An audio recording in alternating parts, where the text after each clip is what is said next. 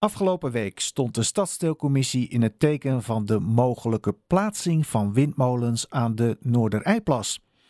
Want volgens een door de gemeente opgestelde milieueffectrapportage, MER, kunnen die molens daar geplaatst worden zonder dat dit leidt tot grote overlast voor omwonenden. En zojuist hebben we ook kunnen horen dat insprekers bij de vergadering kanttekeningen plaatsten bij de gebruikte meetmethode. Ook gaven ze aan dat, als alle geplande molens in het havengebied zouden worden geplaatst, al ruimschoots zou kunnen worden voldaan aan de energiedoelstelling die de gemeente zichzelf heeft gesteld. Aan de telefoon hebben we nu Martijn van Benen. Hij komt, als de plannen doorgaan, straks op 370 meter van een van de windmolens te wonen. Meneer van Benen, goedemiddag. Ja, goedemiddag. Ja, uh, dank u wel. U heeft uh, niet uh, ingesproken bij die commissie, hè? Maar uh, GroenLinks-portefeuillehouder Esther Lagendijk zei dat ze samen met haar partijgenote wethouder Zita Pels afgelopen vrijdag bij u langs zou gaan. Was het gezellig?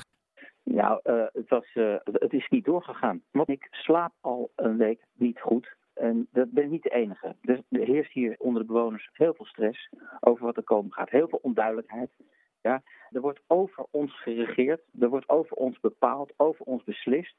Ja, wij kregen dus uh, bij de Stadsdeel Noordvergadering van afgelopen woensdag, werden we dus geconfronteerd met een Esther Lagendijk die totaal niet luisterde naar wat de insprekers aan het vertellen waren. En dat kan gewoon niet. Nee. Ik bedoel, het was gewoon, ze reutelden gewoon een tekst op. Ja?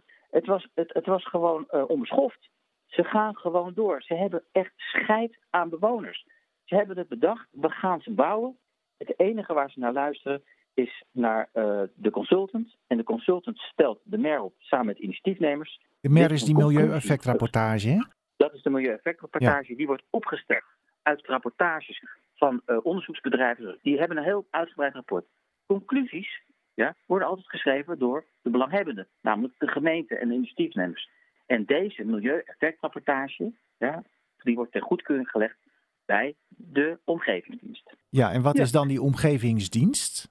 Nou, de omgevingsdienst die is, is eigenlijk een soort waakhond. Die is er voor de burgers. Dus een windmolen die te hard waait, bel je naar de omgevingsdienst. Uh, als er rookontwikkeling uh, zijn of een brandje is, omgevingsdienst. Nou, dat is toch een ja. goede zaak, uh, zo'n omgevingsdienst? Dat, nou, dat is een hele goede zaak. Maar ik weet niet, uh, iedereen kan wel even op Google kijken naar de organisatiestructuur van deze omgevingsdienst. Want dan zie je namelijk dat wie zit er in het algemeen bestuur en wie zit er in het dagelijks bestuur. Dat is namelijk Edward Stichter, gedeputeerde uh, van de provincie Noord-Holland, GroenLinks. Ja, die heeft er persoonlijk voor gezorgd dat de 600 meter afgeschaft uh, werd. Ja? 600 meter, even toelichten, dat is dus de minimale ja. afstand die er tot windmolens in acht moet worden genomen, hè? Precies, precies. Ja. En die hebben ze afgeschaft, want dat kwam niet, natuurlijk niet uit. Dan zit er nog, nog iemand anders heel gek in het, in het algemeen bestuur. Dat is namelijk de wethouder zelf.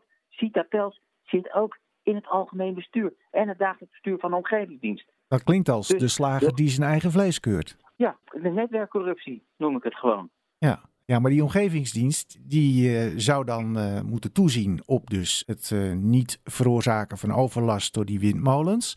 En dat zou dan weer worden bepaald door die molens neer te zetten en daar dan drie maanden aan te meten. Ja, ik uh, moet zeggen, het is toch werkelijk van de zotte dat je dus zegt van, nou, uh, ik koop een wasmachine, ja, en zet hem gewoon neer. Ik ga drie maanden testen over hoe, hoe, hoe hard die klinkt. En als hij niet goed is, dan, dan breng ik hem weer terug. Maar wat is het voor een gelul om, om een molen neer te zetten? Die molens die staan er toch al, dus die metingen die kan je toch al lang doen? Die staan al ergens anders ja, bedoelde Ja. Dit kan je toch ergens anders ook meten? Ik bedoel, er zijn vast wel over ergens anders windmolens te zien en zet daar gewoon op, uh, op 375 meter zet daar een houten huis neer. Ja, en ga dan eens op de gevel meten uh, hoeveel last ze ervan hebben. Ik bedoel, de logica begrijp ik totaal niet. En het is een lachwekkende poppenkast. Ze willen gewoon die dingen neerflikkeren, want dan hebben ze hun politieke afspraken gehaald. Het zijn gewoon politieke spelletjes. Het moet ophouden. Ja, ja nou even terug uh, ja. naar de commissievergadering van afgelopen woensdag weer. Uh, want ja, daar werd het geheel besproken. Daar uh, brachten dus ook uh, mensen hun, uh, hun bezwaren in. uiteindelijk werd er per punt gestemd en niet over ja. het geheel. Nou, weet je wat het was? Dat, dat, was heel duidelijk. Weet je. Er was duidelijk gemanipuleerd door geen ja of nee stemming te houden. Dat was eerst wel het plan, hè? Dus mm. weet, weet, er, is iets, er is iets heel belangrijks die gebeurt. Hè. Dat betekent dat Amsterdam-Noord is gewoon monddood gemaakt. En ik heb met mensen van de Partij van de Arbeid gepraat. Hier, die zijn uit nieuwsgierigheid naar ons toegekomen. Omdat ze ook wel eens wouden weten, hoe ziet die plek er nou uit? Nou, toen waren ze hier en toen hebben ze verteld wat er allemaal gaande was. En toen hadden ze eigenlijk het plan om gewoon uh, een nee te stemmen. En dat hebben ze ons gezegd tegen Esther Lagendijk. En Esther Lagendijk raakte natuurlijk van die paniek. Ja, dat is niet de bedoeling. We zijn een coalitie en uh, alle neuzen dezelfde kant op. Ja, maar sorry, er zijn ook andere feiten. En dit, dit, het, het klopt gewoon niet. En wij willen meer weten, werd gezegd. Nou, laten we dan maar gewoon geen stemming doen. Ja, dan gaan we alleen maar punten behandelen. Ja, maar ik bedoel, jongens, dat is toch gewoon, dan kan je die hele stadsdeelraad, die kan je opdoeken. Want, want het gaat om dat wij als Noordelingen gewoon uh, uh, ook een stem hebben. Dat, wij wonen hier. Ja, wat kunnen jullie daar nog eigenlijk uh, doen op dit moment? Want ja, de zaak is inmiddels nu door de stadsdeelcommissie. Nou, wij hebben met de hele dijk, en dat zijn dus met, met al die woningen en ook woningen in een groot in een straal rondom waar ze komen, hebben we een, een schadeclaim liggen bij de initiatiefnemers.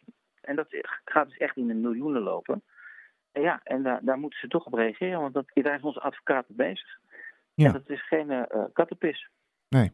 Nou, we gaan uh, de zaak uh, nauwlettend in de gaten houden. Zeg, mag ik u ja, zeer maar... bedanken voor uw bijdrage. Zeker. Dank u wel.